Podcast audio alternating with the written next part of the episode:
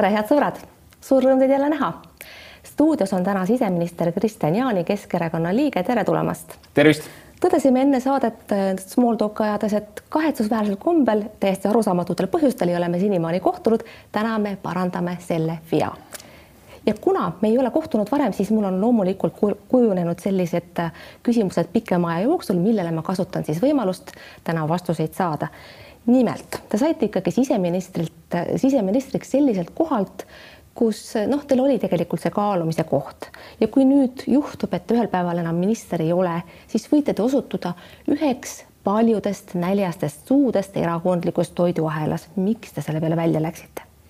eks uued väljakutsed on äh, alati ju head ära proovida ja olgem ausad, et äh, kutse äh, tulla siseministriks oli kindlasti väga suur äh, kaalukeel, et äh, noh, kui võtta siia kõrvale, et kui teha võib-olla politseiametnikule kutse tulla keskkonnaministriks, eks ole, siis poleks ju tulnud.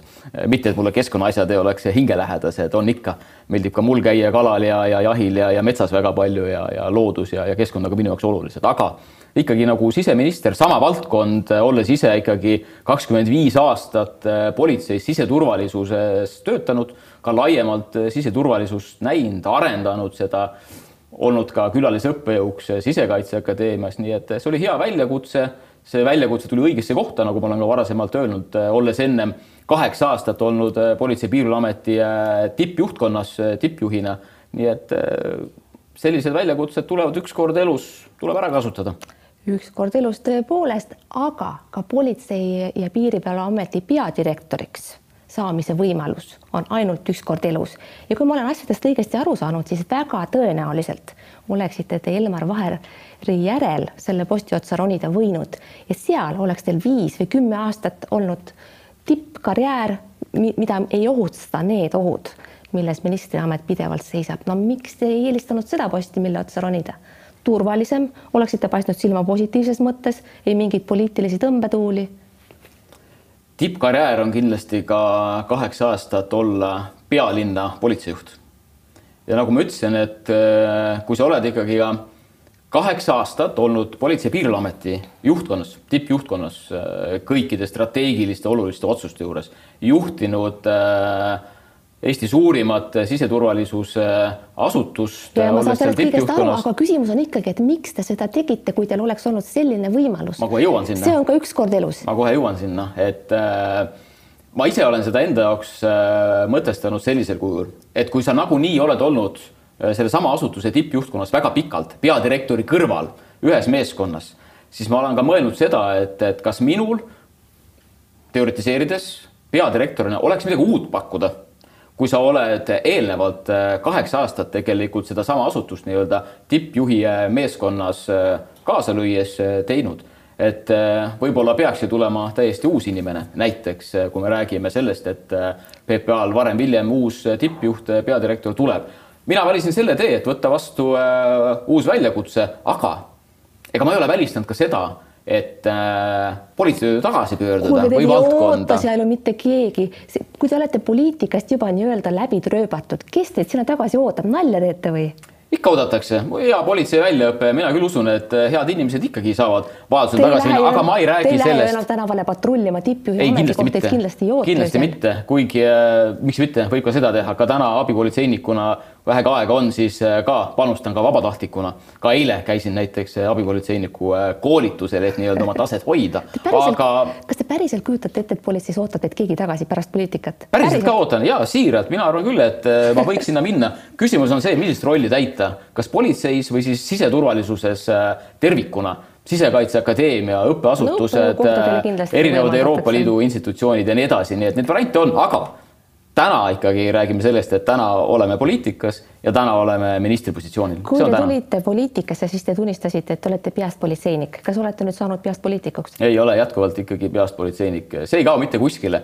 Äh, sellele peast politseinikule tulevad juurde asjad, mis on aasta jooksul tulnud, rohkem kui aasta jooksul nii-öelda arendab edasi, aga see ei kao mitte kuskilt ära, kui sa oled ikkagi äh, veerand sajandit äh, töötanud ühes organisatsioonis, politseis see ei kao kuskile ära, muud asjad tulevad juurde, ära ta ei kao mitte kuskile.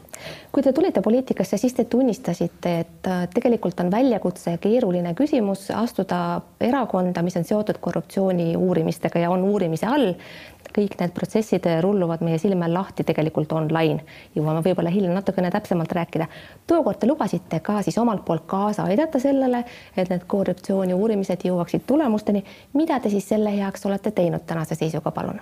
Eks ma arvan, et eh, siin on ka väga oluline see, mis on olnud minu kehahoiak, minu sõnumid näiteks ka võib-olla delegatsioonis erinevaid eelnõusid arutledes nii-öelda ja väga konkreetselt oma seisukohta seal eh, nii-öelda noh, kuidas nüüd öelda, mitte peale surumas, aga, aga siiski nagu selgitamaks, miks mingisugused eelnõud näiteks on ka korruptsiooni vastu võitlemise osas nagu eriti nagu olulised ja, ja nii edasi, nii et ja ma alati ka tunnistasin seda, et meie õiguskaitseorganid eh, on nii tublid ja ütlesin seda, et kui keegi kuskil midagi teeb, ükskõik kus kohas, riigisektoris, poliitikas, varem-hiljem nad jäävad vahele. Ja see, see nii on olnud kahju, et äh, selliseid tegusid toime pannakse, et inimesed jäävad vahele. ei no see on ikkagi, ma räägin ikkagi teie erakonnast on suuresti jutt, et ma, ma mõtlen vahele, et kui mina oleksin praegu keskerakondlane, ma julgeks ringi käia ainult kott peas, sest kui ma jälgin seda protsessi seal, mis toimub Repsil, eks ole, üks piinlikum detail teise järel, kui ma mõtlen Porto Franco peale, Korbil alles võeti saadiku puutumatus ära, kas teil ei ole vahel häbi oma erakonna pärast? eks need on kõik väga kehvad näited tõepoolest, aga no ei tohiks üldistada kogu erakonna peale, see loomulikult juhtub ja seda ka tehakse, kui väga tuntud inimesed äh,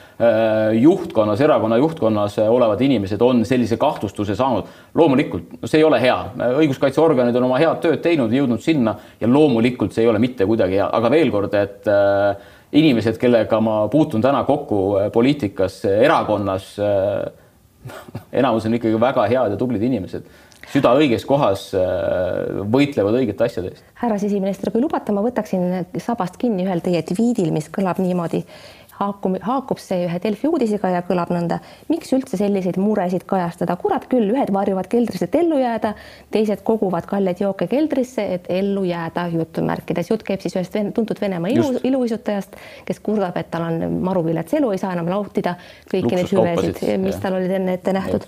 aga mina lugesin, minu silm jäi pidama sõnadele joogid ja mulle meenus teatavasti üks skandaal, mis jookidega on seotud, nimelt teie erakonna esimehega siis seotud jookidega, joogide autosse skandaal. Teie muidugi ilmselt neid jooke maitsta ei saanud, aga kuidas teile meeldis see ajakirjanduslik kajastus, kuna te võtsite siis selles viidatud tweetis ajakirjandust kritiseerida?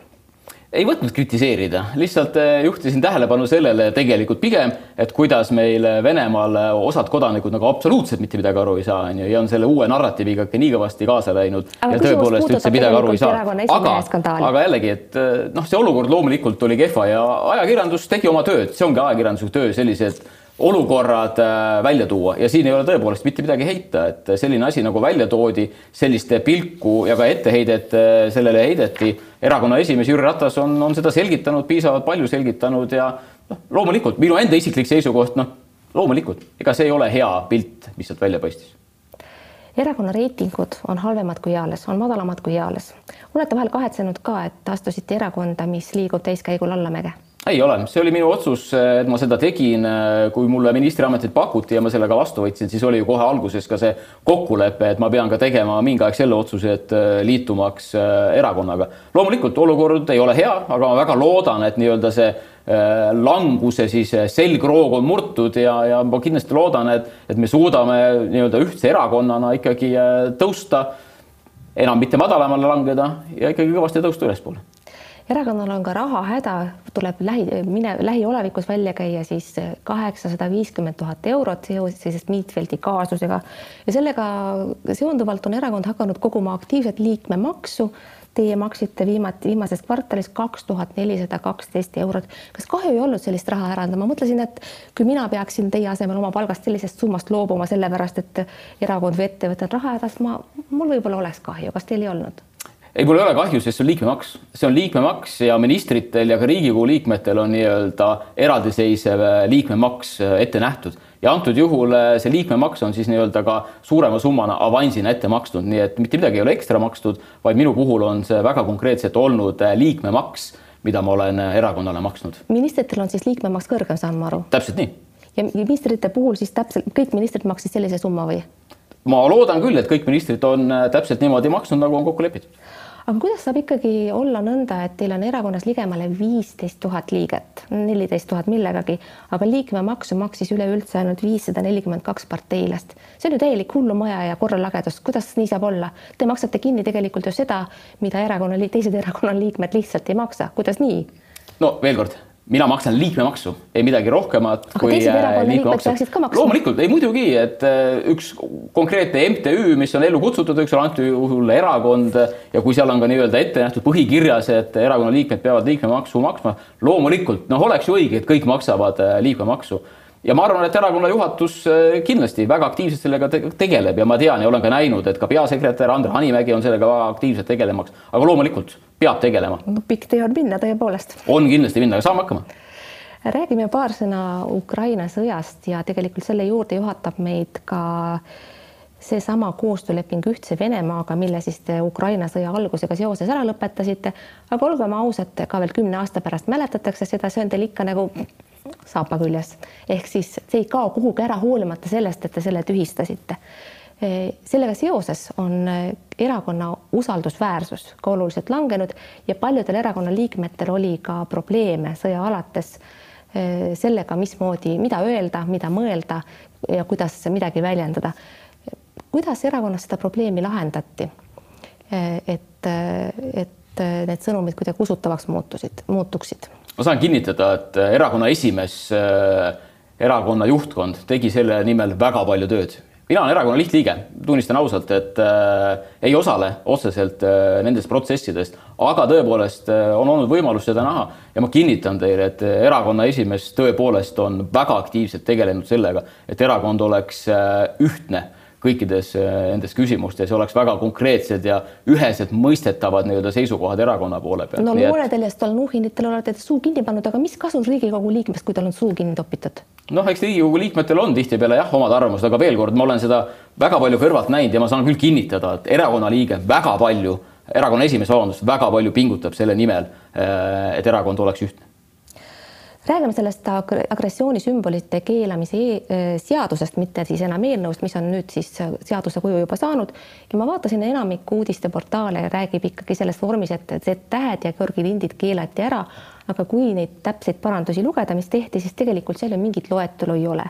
ja teiegi olete korduvalt väitnud, et küll inimesed saavad ise aru, millest on jutt, millel säärane lootus põhineb lootus põhineb tegelikult, kui me räägime sellest eelnõust, mis on nüüd vastu võetud, on ju siis on oluline tegelikult see, et me oleme täna nüüd Eesti riigis nagu sellise põhimõttelise kehahoiaku kujundanud, et äh, erinevate agressiooni toetavate sümbolite avalik eksponeerimine neid toetaval viisil on ka süütegu et ärme räägi sellest, et meil ennem oli siin avaliku korra rikkumine, eks ole, mida sai justkui ka käsitleda nii-öelda laiemas vaates, et, et kui selle rikkumise käigus kasutatakse ka erinevat sümboolikat ja see häirib ka kolmandaid isikuid, eks ole, sai ka süüteomenetlust läbi viia, jah, sai, aga see põhimõtteline öelda, et meil on üks konkreetne nii-öelda süüteokoosseis, mis ütleb, et selline tegevus on karistatav ainuüksi sümbolite nii-öelda avalik eksponeerimine toetaval viisil, siis see on oluline. nüüd, kuidas äh, ühiskonnas tekib välja nii-öelda see kaalujooned või see raamistik, et mis on lubatud, mis ei ole lubatud, siis tõepoolest seaduses äh, räägib nii-öelda toetaval viisil ja siin tuleb kindlasti kõrvale lugeda võib-olla seletuskirja, aga siin on tõepoolest väga oluline roll politseil. kuidas politsei hakkab kaalutlema selliseid olukordasid. ja äh, täpselt, politseidele vaevalt tänulik on, et see seadus on niivõrd ebamäärane, sest nemad peavad igal konkreetsel juhul hakkama siis mõtlema, kellega ilusti rääkida, kes viia natukeseks plate peale rahunema, kellele määrata trahv. politseile siin langeb väga-väga suur tõlgendamiskoormus ja nende elu tegelikult see seadus ei pruugi üldse kergemaks teha, pigem raskemaks. miks nii? Politsei on. endise selle... politseinikuna peaksite te väga hästi teadma, et konkreetne seadus on parem kui ebamäärane. väga hea, et te viitate mulle kui endisele politseiametnikule, kes on äh, rohkem kui kümnel korral äh, tegelenud vahetult äh, erinevate üheksanda mai sündmustega või kahekümne kuuenda või kahekümne seitsmenda enne oli olukord veel keerulisem. sa said sekkuda küll läbi korrakaitseseaduse nii-öelda ohu ennetamise, tõrjemise poole pealt, said võtta hoiule aga täna nagu see põhimõtteline nagu seisukoht, kehahoiak, et mingi tegevus on ka päriselt süüteokoosseis, seal on võimalik, mis ei ole omaette eesmärk, aga seal on võimalik ka nii-öelda määrata karistus, siis see on hoopis teistmoodi lugu ja see paneb veel konkreetsemad nii-öelda raamid paika politsei sekkumise osas. ja politsei on tõepoolest seda oodanud, politsei on ka kaasatud olnud selle kogu õigusloome protsessi juures, nii et selles mõttes politsei ikkagi ootas, et selline eelnõu oleks vastu võetud, vastu võetud enne üheksandat maid. nii et see, et politsei nüüd kahe käega peast kinni hoiab ja ütleb, mis nüüd saab, ei, vastupidi, politseil on hea meel, aga loomulikult iga uue õigusnormi rakendamine on väljakutse. Nii-öelda panna need raamid paika, see ei ole kindlasti lihtne ja mida rohkem me sellest üheksanda mai teemast räägime, seda rohkem võib teatud seltskondadel tekkida ju tunne, et äh, räägite siin küll ja nagu valmistate ette, aga noh, rusikas hakkab sügelema. mida rohkem räägitakse, seda rohkem tahetakse võib-olla minna kaklema. olete mõelnud selle peale? ka meie anname siin täna oma panuse teataval viisil sellesse kui me vaatame avaliku arvamuse uuringuid, siis äh, tõepoolest seal mingi väga väike osa äh, ühiskonnast justkui ütleb niimoodi, et noh, põhimõtte pärast nüüd lähen ja proovin ja panen. väga väike osa ühiskonnast, kes seda ütleb sellisel kujul Äh, aga loomulikult, et ega pigem me oleme ju juba täna näinud, et avalikust ruumist ütleme sellised Georgi lindid ja, ja muud sümboolikad, tegelikult on seda vähem. mina seda vaatan oma pilguga, olen kogu aeg vaadanud ja ma tõepoolest näen seda vähem ja ma arvan, et ikkagi väga suurele osale eestimaalastest on väga kenasti äh, kohale läinud see, et olukord peale kahekümne neljandat veebruarit seoses erinevate sümbolitega on lihtsalt muutunud enne veel, kui üheksas mai kätte jõuab, tuleb meil pronksiööde viieteistkümnes äh, aastapäev. kas äh, näete ka ohtu, et seoses sellega võib teatud seltskondadel tekkida kiusatusi avalikku korda rikkuda või korraldada midagi muud ebameeldivat avalikus ruumis? Igasuguste aastapäevadega, olgu need aprillirahutuste aastapäevad, üheksas mai, kakskümmend kaks september, alati on teatud ohud. alati politsei peab arvestama, et sellised ohud on võimalikud ja politsei peab ka hindama, mis on see tõenäosus, et siis mingisugused ohud võivad realiseeruda. nii et loomulikult seekord äh, aprillirahutustel on lihtsalt noh, jutumärkides juubeli aastapäev, viisteist aastat, eks ole, ja, ja tõepoolest tõenäoliselt osad inimesed tulevad ja üritavad seda ka kuidagi tähistada, kuhugi lilli panna. Aga eelnevad aastad on muidugi näidanud, et äh, see hulk inimesi on ikkagi selline olnud, äh, milleks ei ole vaja, vaja isegi ühe käe viite sõrme, et neid äh, kokku lugeda. ma arvan, see ei ole muutunud. ma arvan, et olukord on palju muutunud, aga ma ei sooviks hakata ennustama, missugused need sündmused tulevad. muide, viisteist aastat tagasi olite ka teie viisteist aastat noorem ja pronksiööde sündmustest te tõesti osalesite ja kui ma õigesti mäletan, te saite ka kergelt viga. kas te oleksite nõus paari sõnaga meenutama, kuidas see lugu oli? Noh, lugu oli see, et äh, nendel päevadel äh, sai tõepoolest äh, kesklinnas veedetud väga pikka aega, juhtides seal koos enda hea kolleegiga siis tegevusi nii-öelda taktikalisel tasandil kesklinna piirkonnas. ja noh, mingi hetk tõepoolest tekkis ka vajadus nii-öelda reaalselt rühmadega minna välja ja, ja, ja tänavatele nii-öelda, et loobuda nii-öelda staabi keskkonnas juhtimisest ja minna reaalselt nagu tänavatele. ja kuskil tekkis see olukord, et eh, mingisuguse esemega ma pihta sain, aga ega too hetk ei mõtle selle peale, adrenaliin on väga kõrge ja sa saad tegelikult aru sellest, et midagi on juhtunud võib-olla paari päeva pärast et.... arstiabi te ei vajanud? hiljem ikka vajasin, sest eh, ikkagi oli vaja sealt eh, seda jalga natukene ravida, sest jalg ikkagi paisus väga suureks ja ja, ja oli vajas ka ravi, hilisemat ravi ja järelravi, nii et aga ei, kõik läks hästi ja eks neid viga saanud politseiametnikke oli ju tegelikult päris palju kahjuks hiljaaegu nüüd paar päeva tagasi jooksis uudisest läbi, et keegi on juba käinud seda pronkssõdurit seal kratsimas, tal on seda viisnurka kuidagi vigastatud.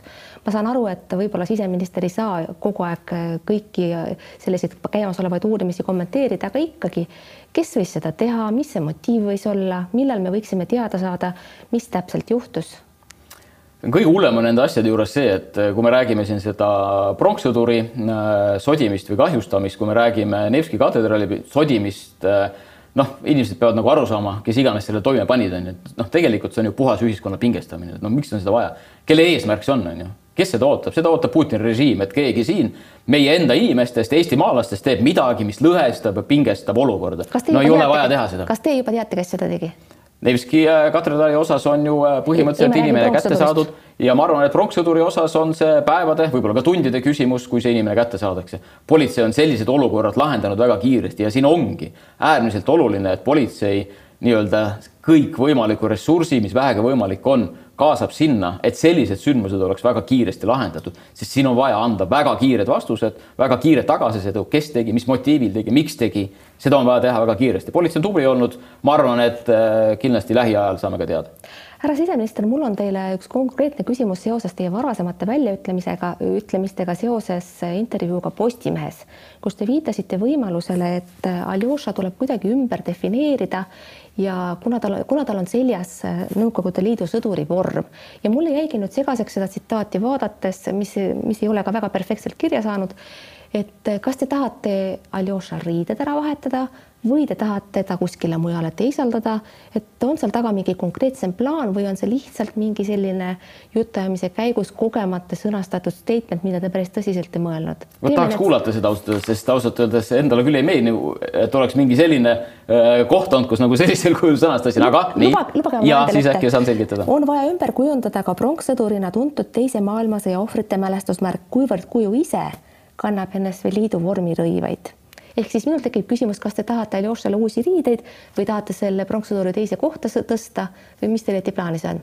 kas see on kirja pandud minu intervjuust või see on kuulatud nagu intervjuud? ma, mina panin, lugesin ette selle, mis on kirja pandud. okei okay., aga siis ma väidan jah, et see on tõenäoliselt kuidagi äh, improviseeritud, millest mina rääkisin äh, kindlasti seal intervjuus ja räägin ka täna, on see, et äh, ütleme, erinevad sümbolid, äh, mida on kasutatud äh, üheksanda mai mälestamisel või tähistamisel, siis on täna nagu rakendatud kahjuks äh, hoopis teistsuguse vankri ette. võtame konkreetselt kasvõi selle Georgi lindi, eks ole, siis selle Georgi lindi tähendus on lihtsalt ära kaaperdatud.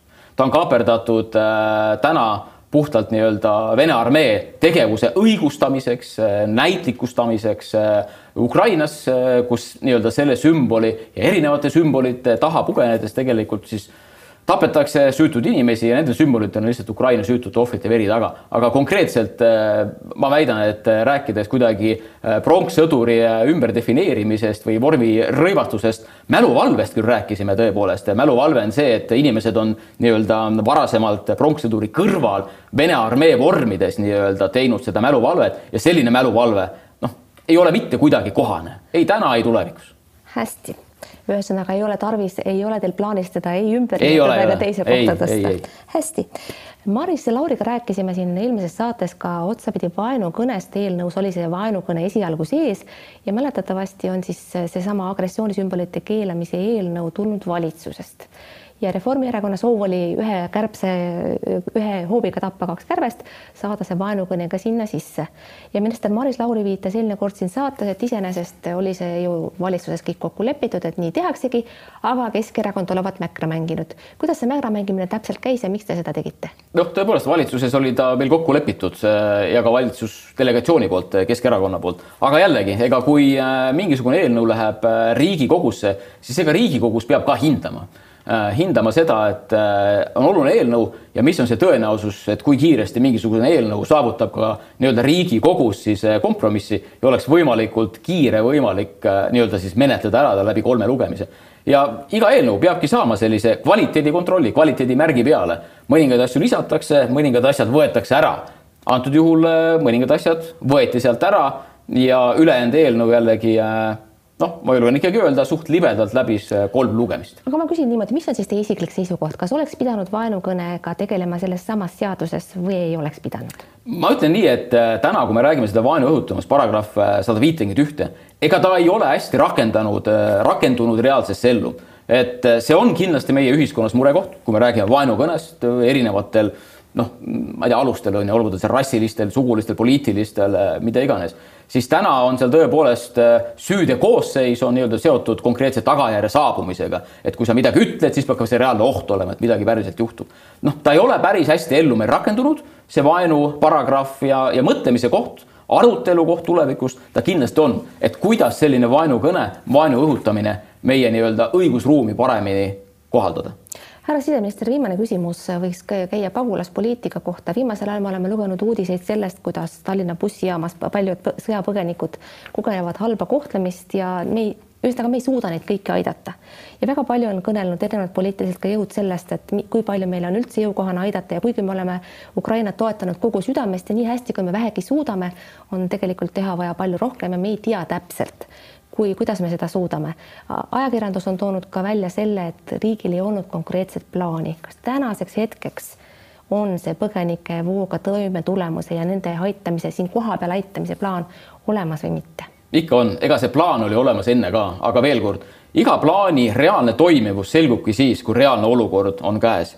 ja ma ei ole näinud ja ma arvan, et võib-olla mitte ühtegi plaani, mis on täpselt toiminud nii, nagu ta oli planeeritud ja reaalse sündmusega täpselt nii läheb, ei ole võimalik, lihtsalt ei ole. oluline on planeerimisprotsess, mis on enne läbi viidud. inimesed olid selleks valmis, inimesed teadsid, mis hakkab juhtuma, aga tõepoolest see plaan Kas selleks oli pisut, kindlasti teadsid teadsin, need inimesed, kes nii-öelda minu vahetusmeeskonnas on ja nii-öelda vahetult ka vastutavad nii-öelda massilise äh, sisserände hädaolukorra eest, siis loomulikult teadsid. see, et äh, nii lühikese aja jooksul tuli neid nii palju rohkem, oli loomulikult üllatus ja ikka planeerimisel sellised üllatused tulevad, ükskõik kui hästi sa planeerid ja siin on ka oluline rääkida sellest, eks ole, et kui me räägime täna Ukrainast põgenenud inimestest, räägime sõjapõgenikest, siis noh, siin on natukene nagu erinevad dimensioonid selles vaates, et need inimesed äh, üldjuhul, kes siia on tulnud, on tulnud oma lähedaste, oma tuttavate juurde. kui täna on tulnud üle kolmekümne kahe tuhande inimese, kes on jäänud Eestisse ja vajavad abi,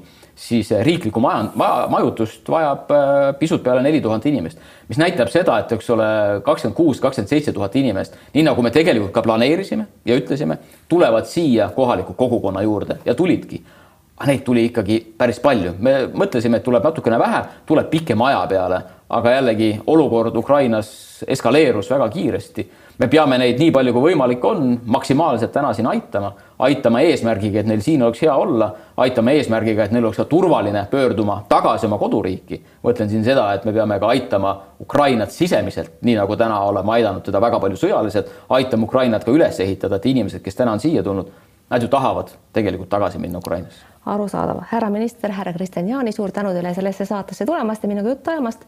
head sõbrad, aitäh, et vaatasite, vaadake teinekord ikka jälle, elage vahepeal hästi, kuulmiseni, nägemiseni, head nädalavahetust